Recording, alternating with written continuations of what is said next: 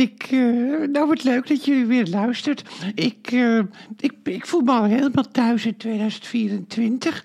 En uh, ik merk dat ik me minder zorgen maak. Maar misschien omdat het weer vandaag ook weer uh, nou, niet zo koud was. Gisteren vond ik het ook wel lekker trouwens ook hoor.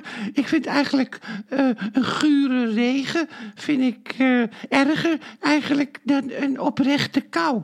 En ik vind zo'n oprechte kou, als het niet waait, dan vind ik het heerlijk om daar doorheen te lopen. Ik ben net nog even naar bij die asfaltcomplex gelopen, want gisteren was de verwarming.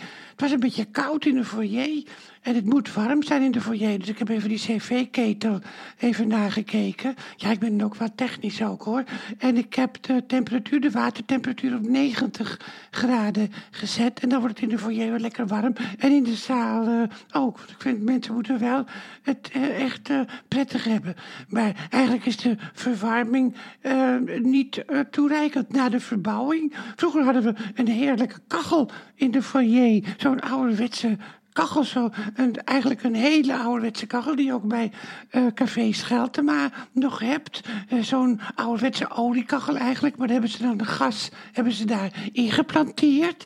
En die hebben we altijd gehad. Uh, zeg maar 30 jaar of 32 jaar hebben we die gaskachel gehad. Maar met, ja, met de WTW-installatie, dus de luchtverversing, mocht er geen gaskachel meer in de foyer. En moeten we het met een cv-ketel doen en centraal verwarming. En nou krijg je het niet warm. Ja, dat is heel stom, hè. Dan heb je de modernste cv-ketel en die redt het dan niet. Ja, het is ook het hele gebouw wat die moet uh, verwarmen. Dus de benedenzalen en de benedenfoyer, de bovenfoyer, bovenkantoren, allemaal. Alles moet hij verwarmen. Dus het lukt allemaal niet. Maar goed, het is allemaal nou...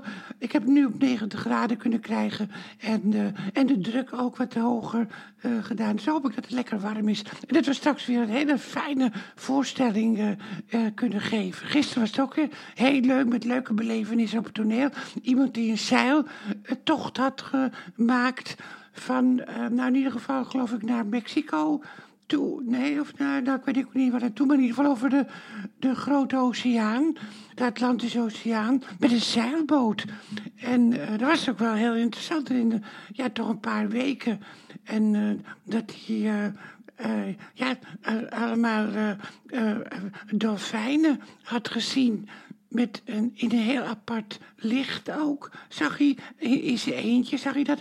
En ik heb ook nog, dat was ook wel interessant, uh, iemand die een coronatest had gedaan.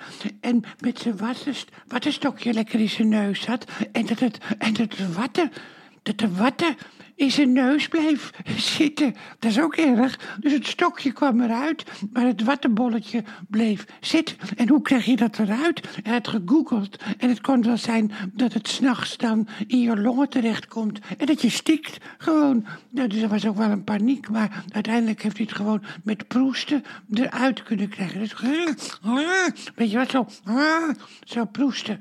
Nou, dat was dus heel leuk. En de mensen hebben ook weer lekker gezucht ook eh, in de zaal. Het is altijd zo fijn, die ontspannen sfeer die er ontstaat. De, het bevrijdende. En, dat, uh, en dokter Valentijn en ik en dominee Gremmet ook, die zorgen er natuurlijk ook wel voor. Maar het publiek staat er ook open voor. Om even bevrijdend te zuchten. En eergisteren was Arjen Lubach met de open bak. Uh, was, die was ook heel leuk. Was uh, ook al een hele volle zaal. Le ook, was lekker warm ook, maar dat komt ook door de mensen. En Arjen Lubach die presenteerde dat ook, ook heel goed. Ja, het is natuurlijk een professional, hè, dus dat uh, scheelt wel.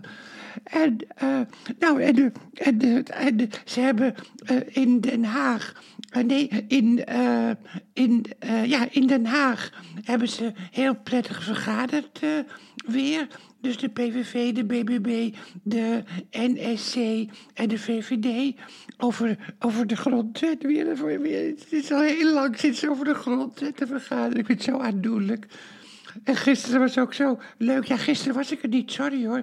Toen had ik, uh, was het heel druk ook. Toen kon ik geen podcast doen. Maar gisteren heb ik ook nog wel uh, gezien, dat was al eergisteren, uh, bij Rensen, de beelden van de taart of het gebak wat Omzicht mee had genomen vanwege zijn verjaardag. En dat, En dat Mona Keizer zei, dan moet je aan de pers laten zien. En een beetje erbij lachen. En dat hij zei, nou, daar heb ik helemaal, helemaal niet zoveel zin Ah, doe dat nou, dat vinden ze leuk.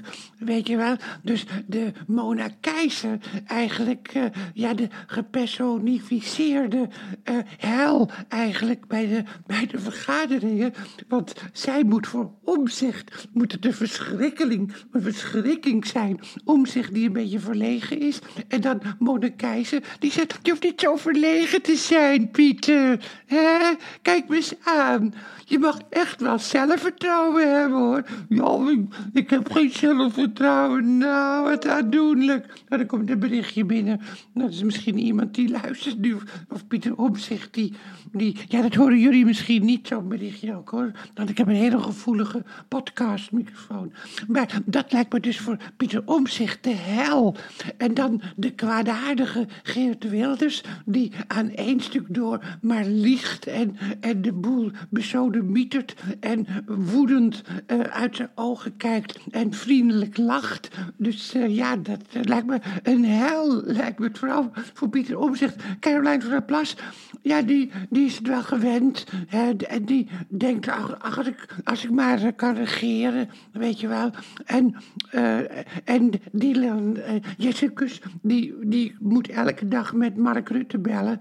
om ja, te overleggen dat zij niet de VVD naar de afgrond helpt. Maar volgende week gaan ze weer opgewekt in de hel verder. Ja, het is, uh, het is wel leuk als je thuis zit, dat je denkt, oh wat fijn dat ik niet bij die onderhandelingen hoef te zijn. Wat verschrikkelijk. Want stel dat er een compromis uitkomt, dan wordt het ook sowieso rampzalig kabinet met, uh, ja, met discussies over de grondwet en, en de dreiging van Wilders dat hij ineens iets uit de ijskast gaat halen. Ja, ik ga nou iets uit de ijskast halen. Daar heb ik het trouwens ook nog met iemand over gehad, met de notaris, over dat uh, hoogstaande mensen hebben het over ijskast, omdat die vroeger al in staat waren om een ijskast uh, te aanvaarden, weet je wel, toen het nog met ijsblokken was en toen het alleen voor de elite, voor de upper ten beschikbaar was. En die, die upper ten, dus zeg maar de, de mensen in Bloemendaal en Laren, die noemen het nog steeds ijskast.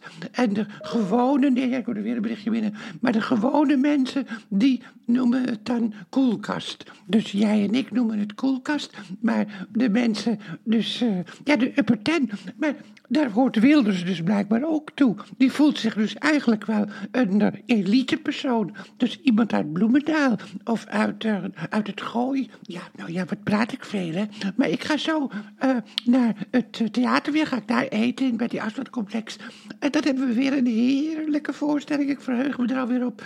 Met zo'n hele uh, ja, interessante preek van dominee Grem. Dat ook over de actualiteit. En ik ga dan uh, met dokter Valentijn warmte, warmte uitstralen. En we hebben nog... Nee, acht voorstellingen geloof ik. Ja, acht voorstellingen. Nu nog tot en met zondagmiddag. En er zijn ook nog kaarten trouwens ook hoor. En dan nog uh, de 20ste en 21ste, zaterdag en zondag. En dan nog de 27ste en 28ste. En dan is het sloes. Dan ga ik weer een jaar wachten om weer warmte te brengen in december. Nou, luister maar kindjes. Uh, hou me hoog hè. En het komt allemaal goed. En uh, nou, denk maar alvast aan de lente. De lente is in aandacht. Geachte cliënten, het is lente, zoals Annie Schmid ooit dichtte. Tot morgen weer. Dag, dag.